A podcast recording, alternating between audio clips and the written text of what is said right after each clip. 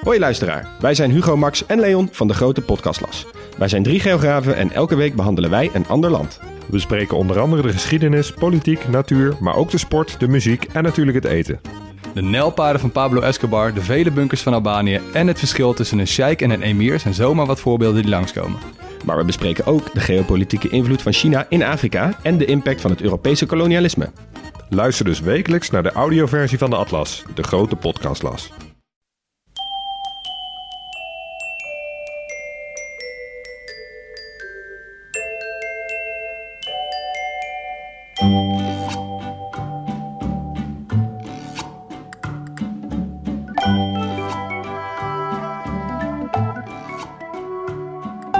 Welkom bij aflevering 213 van Echt Gebeurd.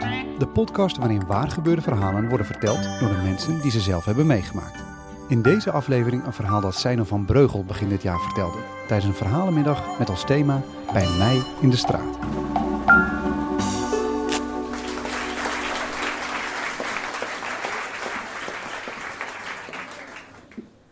Ang Choisa Golpobalni Natum Tokbo. Het thema is eh, bij ons in de straat. Maar ik heb in een buurt gewoond waar helemaal geen straat was. 10.000 kilometer hier vandaan in Noordoost-India, op het grensgebied met Bangladesh, in de bergen, in de jungle, boven op een heuvel waar de jungle is weggekapt, was een klein dorpje en dat dorpje heette Badri. En daar stonden 32 huisjes, van die uh, bamboehuisjes met rieten daken. En in die huisjes, daar, uh, in dat dorpje, daar woonden de Atongs. En dat spel je A-T-O-N-G-S. En die Atongs die, die zien eruit alsof ze uit Thailand komen. En die praten ook hun eigen taal, het Atong. En ik was daar om die taal te leren en uh, te bestuderen en uiteindelijk te beschrijven. Ik wou altijd al nieuwe dingen ontdekken in de wereld. En um, ja, toen ik onderzoek ging doen voor mijn proefschrift, was dat de kans om te kijken hoe anders en nieuw de wereld kon zijn. Nou, ik werd heel hartelijk ontvangen door, uh, door die Atongs. En ze waren ook heel erg verbaasd dat er opeens zo'n hele lange buitenlander in hun buurt rondliep. Want bij mij komen ze ongeveer tot hier als ze heel lang zijn. En um, ja, ik werd heel vriendelijk ontvangen en ze zeiden van, weet je wat, je kan slapen in dat huis in het dorp en 100 meter verder aan de andere kant, daar kan je eten. En dat was verder helemaal geen probleem, want iedereen in het dorp was familie van elkaar. En ze waren zelfs zo erg familie dat alle getrouwde vrouwen, die behoorden tot één familie en alle getrouwde mannen, hun mannen, die behoorden tot de andere familie. Ja, zo houden ze een beetje de boel bij elkaar is ook gezellig en zo voor de kinderen. Zijn ook allemaal familie. Maar goed, ze waren dus uh, zo erg familie dat je dus binnen in dat dorp niet meer kon trouwen. Dus het eerste probleem waar ik tegenaan liep was dat ze dachten: ha, vers bloed. ja.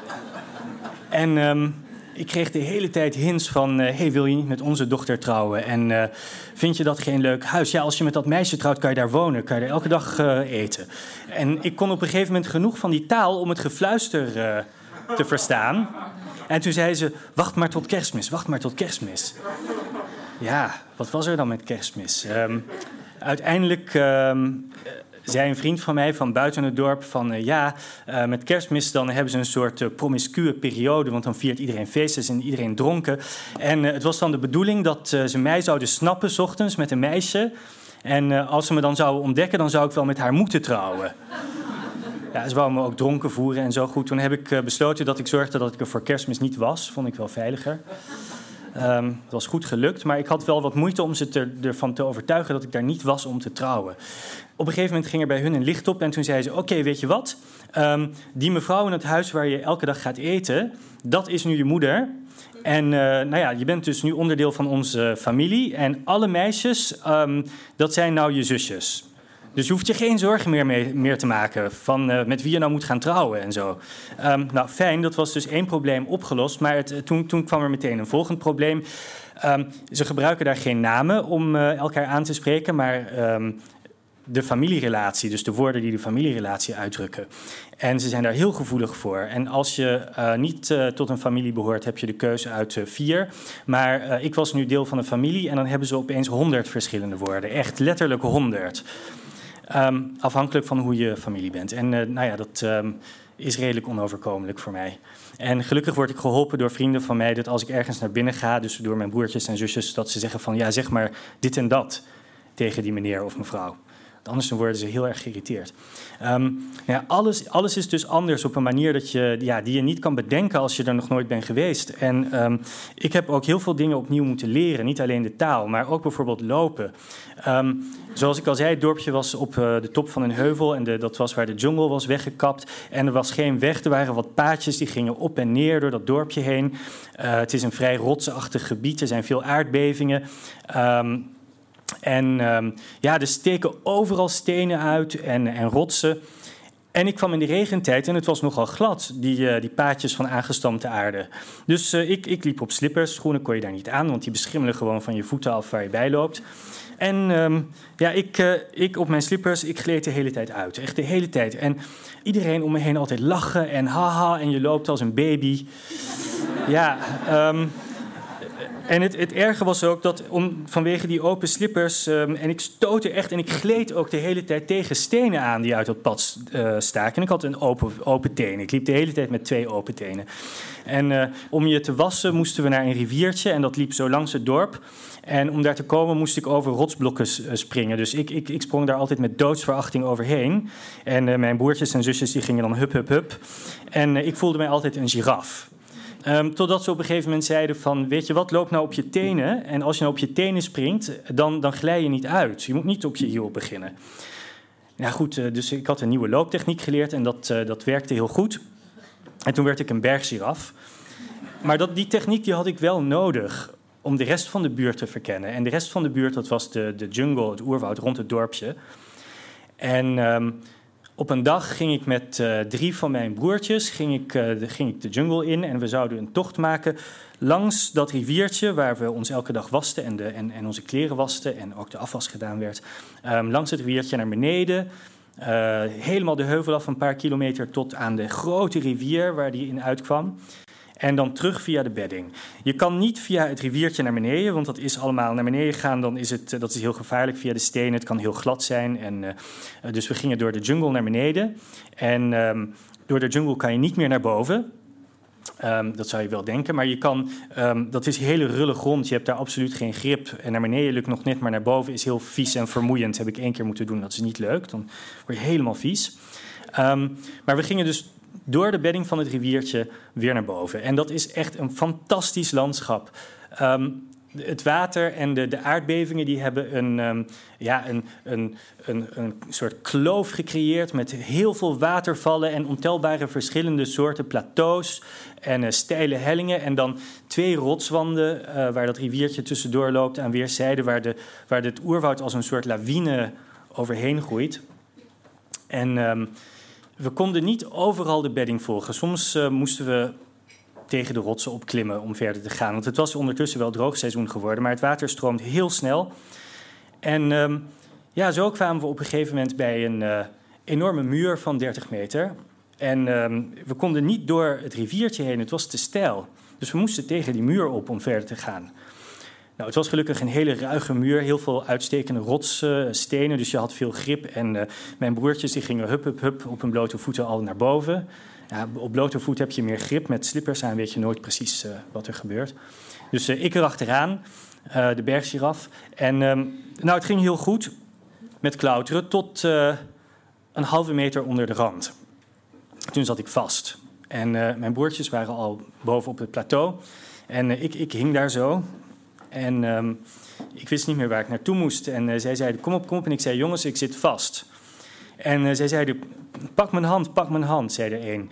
En ik dacht, wacht even, wacht even. Um, um, ik moet dit even op me in laten werken. Ik hing uh, 30 meter hoog en ik keek naar beneden en ik dacht, ja, ik kan niet loslaten, want dan ga ik dood.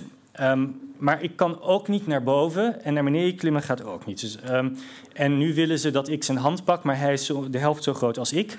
Gaat dat lukken? Mm, dus ik zei, wacht even. En ik, ik, ik nam een hele diepe zucht. En ik telde letterlijk gewoon tot 30. En um, toen eh, waren mijn broertjes ondertussen al in een treintje achter elkaar gaan zitten en hielden ze elkaar zo vast. Ehm, en eentje die stak zijn hand zo naar beneden uit en zei: Pak mijn arm. En toen zei ik nog een zucht en zei: Oké. Ehm, ik moet ze vertrouwen. En ehm, ik pakte zijn arm, hij pakte mijn arm zo. En toen, toen liet ik los. En ik hing dus aan, aan zijn arm, aan die rotsmuur. En ik zwierde om het hoekje heen. En daar om het hoekje was een heel klein richeltje. Daar kon ik net met de teentjes van één voet kon ik daar zo op. En ehm, toen ehm, heb ik me afgezet en hij zo met een ruk mij zo op dat plateau getrokken. En toen, toen lag ik daar. En dat was de grootste adrenaline rush die ik ooit heb meegemaakt. En ik was zo blij dat ik nog leefde. En ik was ook zo blij dat ik um, bij mensen terechtgekomen die ik op zo'n manier kon vertrouwen. Ook al waren ze zo anders dan ik. En ja, het was, een, het was een onvergetelijke tocht. En ik was heel dankbaar dat het zo gegaan was. En uh, ik geloof dat toen dat ik het gevoel had dat ik wel goed ingeburgerd was in mijn nieuwe buurt, zonder straat. Uh, dankjewel.